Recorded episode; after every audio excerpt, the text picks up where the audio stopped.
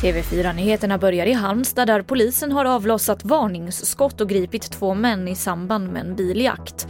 Detta rapporterar Aftonbladet om. De två gripna misstänks nu för våld mot tjänsteman. Både sars, mers och covid-19 är sjukdomar som orsakas av coronavirus och som spritts av fladdermöss.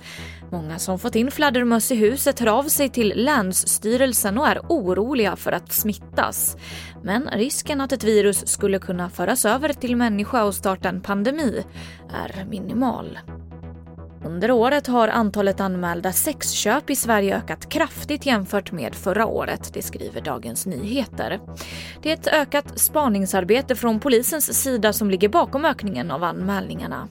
Förra året anmäldes totalt 764 sexköpsbrott i Sverige och i år har 526 anmälningar kommit in. Detta enligt statistik från Brottsförebyggande rådet. Och jag avslutar med att kritiken mot techjättarna Facebook, Amazon, Apple och Google växer.